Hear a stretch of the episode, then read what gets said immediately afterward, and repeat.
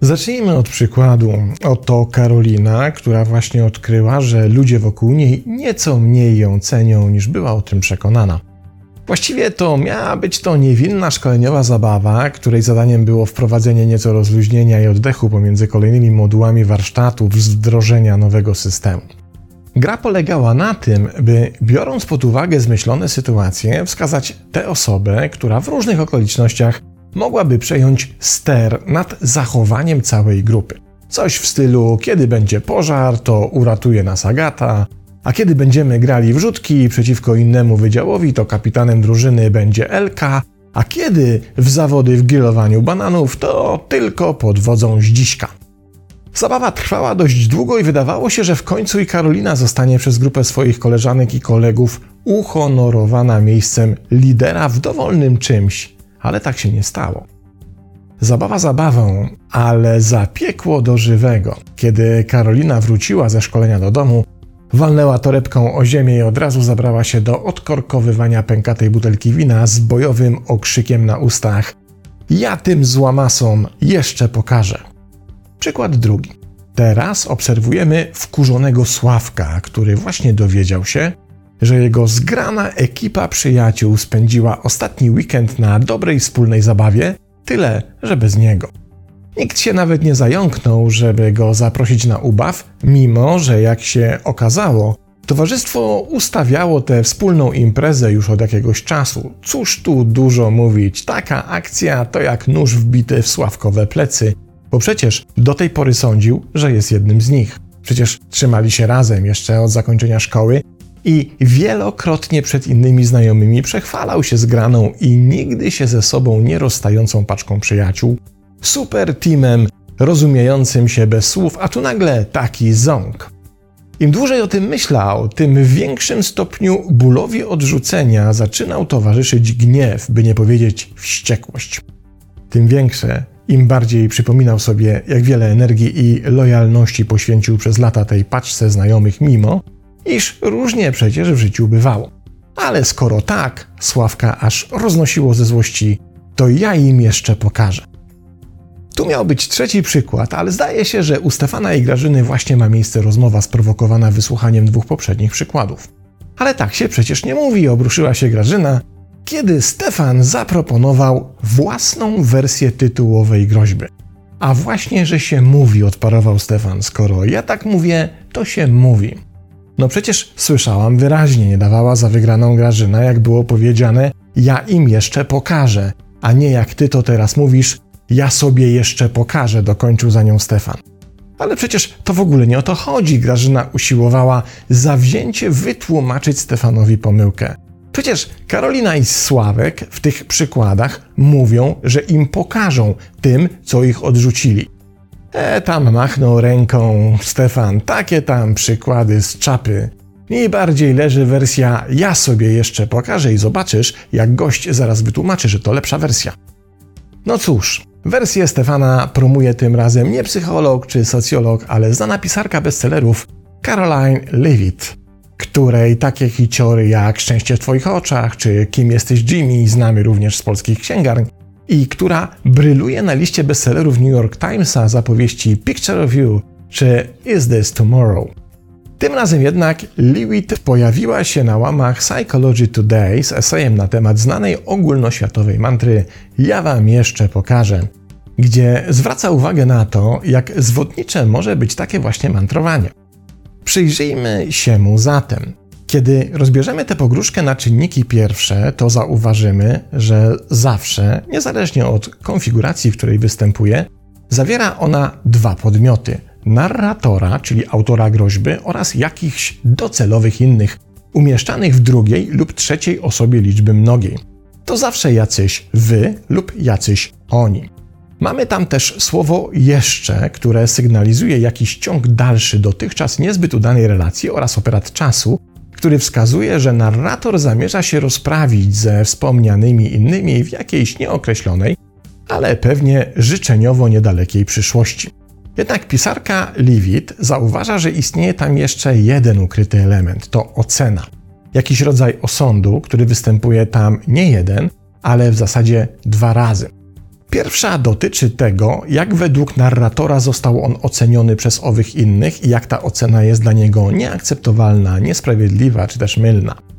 Ta pierwsza ocena prowokuje więc narratora do podjęcia działań niejako w zemście, by w ich efekcie mogła powstać druga ocena, w której narrator również zostanie oceniony przez innych, ale tym razem już według niego właściwie, co ma zostać udowodnione w realizacji zamierzeń narratora, które do ponownej oceny mają doprowadzić.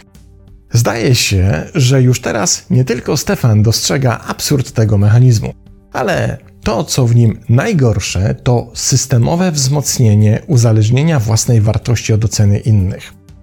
Bo w pierwszej ocenie najpierw inni jako oceniający są punktem odniesienia tego, co się nie udało i co w zemście chcemy zmienić. Zaś w drugiej ocenie efekt zmiany ma być również uzależniony od innych. Narrator wyjdzie na swoje pod warunkiem, że innym oko zbieleje z podziwu, a więc również oceny, tyle że życzeniowo pozytywnej. W ten sposób powstaje koncept udowodnienia swojej wartości, w którym sędziami są zawsze inni. Ci sami, którzy najpierw tej wartości nie docenili. Przy czym, co podkreśla Leavitt, tak naprawdę cała akcja z podznaku ja wam jeszcze pokażę osadza się na fundamencie spełnienia oczekiwań, co zawiera w sobie spory ładunek spełniania zewnętrznych norm czy wytycznych pochodzących również z zewnątrz. W efekcie tego procederu ma się pojawić uznanie w oczach innych jako najważniejszy miernik wartości, a jednocześnie poczucie własnej autentyczności siłą rzeczy schodzi na drugi plan. Własna ścieżka staje się coraz mniej widoczna, bo zostaje zadeptana przez odciski stóp zmierzających tam, gdzie kieruje nas potrzeba akceptacji.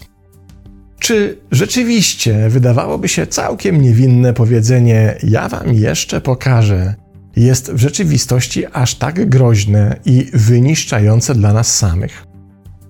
We wspomnieniach pisarki czytamy, że zaczęła sobie zdawać sprawę, jak w istocie wyczerpujące były każde, nawet najmniejsze zwycięstwa, które zawsze dotyczyły tego, co ktoś inny miał o niej myśleć i wiedzieć, a nie tego, co czuła i wiedziała o sobie.